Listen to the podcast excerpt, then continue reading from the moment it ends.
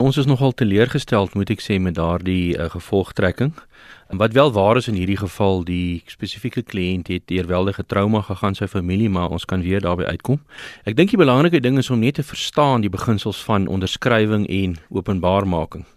Nou, wanneer enige potensiële kliënt 'n uh, versekeringspolis uitneem, verwag die versekerer dat daardie kliënt ten minste 'n paar vragies sal beantwoord en na aanleiding van die uitkoms van daardie vraag tipies oor sy, sy of haar mediese gesondheid sal ons dan sekere verdere mediese toetse byvoorbeeld doen om te bepaal of dit 'n ernstige probleem het of dit regtig die kliënt se premie gaan beïnvloed. Dis belangrik in daardie proses dat almal eerlik is en dat ons in goeie trou optree wanneer dit gebeur sodat elke kliënt die regte premie kan betaal. Dit is ook dan die doel van onderskrywing om te kyk as die kontrak uitgeneem word, wat is die kliënt se gesondheid en dan moet ons die premie aanpas. So stel werklik net belang in inligting wat die kliënt reeds in sy of haar beskikking het. Hulle dalk al met 'n mediese praktisyn uh, sekere siektestoestande bespreek en ons wil graag dit weet. Ek dink dis belangrik. En in goeie trou verwag ons van kliënte om sodoende hulle gesondheids met ons te deel en dan kan ons die premie betaal en ons kan dan met integriteit momente eise betaal. Dis 'n belangrike beginsel. As 'n kliënt egter nalat om al hierdie inligting met ons mee te deel, kan ons natuurlik in 'n situasie kom waar nommer 1 die premie verkeerd bereken is of as dit 'n baie ernstige siekte toestand is in, in sekere gevalle ons selfs nie die versekeringspolis sou uitgereik het met ander die kliënt sou glad nie dekking geniet het nie. En dis belangrik om te verstaan dat al die kliënte aan die einde van die dag deel in 'n bepaalde risikopool en ons moet seker maak dat elke kliënt die regte premie betaal. Anders sal alle kliënte nadelig beïnvloed word. So ons moet die regte balans kry tussen elke kliënt se premie en al die kliënte wat saam met daardie 'n eh, kliënt in die versekeringspool onderskryf word. So baie belangrik is Die versekeraar wil graag eise betaal in goeie trou, maar verwag ook van die kliënt om in goeie trou hulle mediese inligting beskikbaar te maak wanneer die polis uitgeneem word. Hierdie spesifieke polis is nie uitbetaal nie. Wat was die rede? Ja. Die kliënt is oorlede ongelukkig in 'n baie traumatiese gebeurtenis, 'n kapingsgeval by hulle huis, as ek reg onthou. Dit was werklik 'n onaangename situasie. Ons meegevoel is regtig met sy gesin.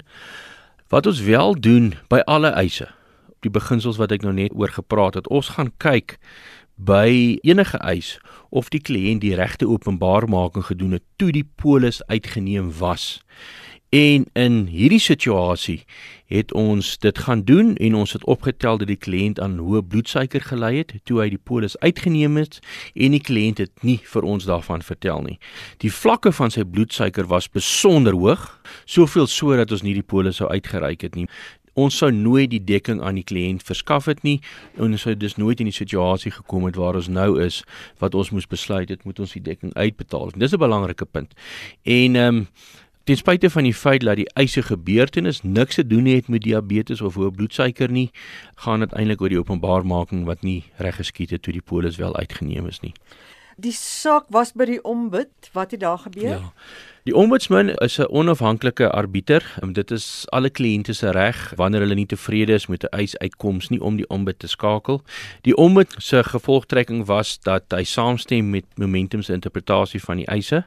Ek verstaan egter dat die kliënt wel gaan appeleer teen daardie betrokke uitkoms, maar die ombudsman het natuurlik dan ook toegang tot al die inligting wat Momentum het.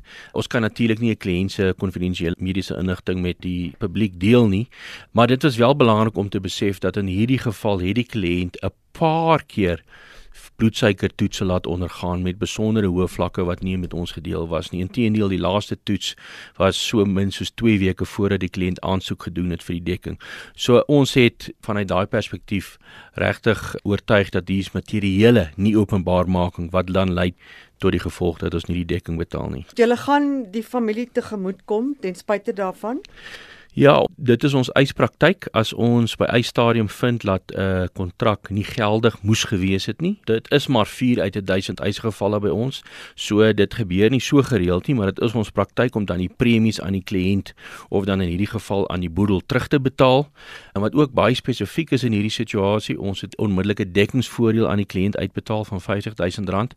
Dit is beskikbaar op al Momentum se doodsvoordele binne 24 uur sal ons hierdie bedrag uitbetaal selfs al moet ons nog steeds bietjie van die verifisering doen van 'n kliënt se openbaarmaking toe die polis uitgeneem is. Regstegnies kan ons die gelde verhaal van die begunstigde, maar ons het ook besluit in hierdie geval om dit nie te doen nie. As ek 'n kroniese siekte het, kan ek 'n lewenspolis kry.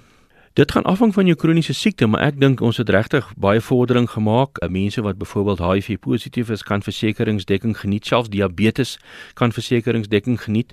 In hierdie ekstreme gevalle wat wel belangrik is, is dat die mediese behandeling moet reeds suksesvol kan bewys dat byvoorbeeld in 'n geval van 'n diabetes dat jou bloedsuikervlakke onder kontrole is in die geval van iemand wat daai positief is dat die antiretrovirale middels 'n positiewe impak maak op die kliënt se CD4 tellings ensovoorts. So ja, jy kan. Wat soms gebeur is as dit 'n werklike ekstreme voorbeeld is, sal die versekeraar vir daardie betrokke geval dalk 'n uitsluiting op die polisse het net vir daai betrokke siekte, maar ja, ons sal wel sê jy kan in die meeste gevalle kan kliëntedekking bekom.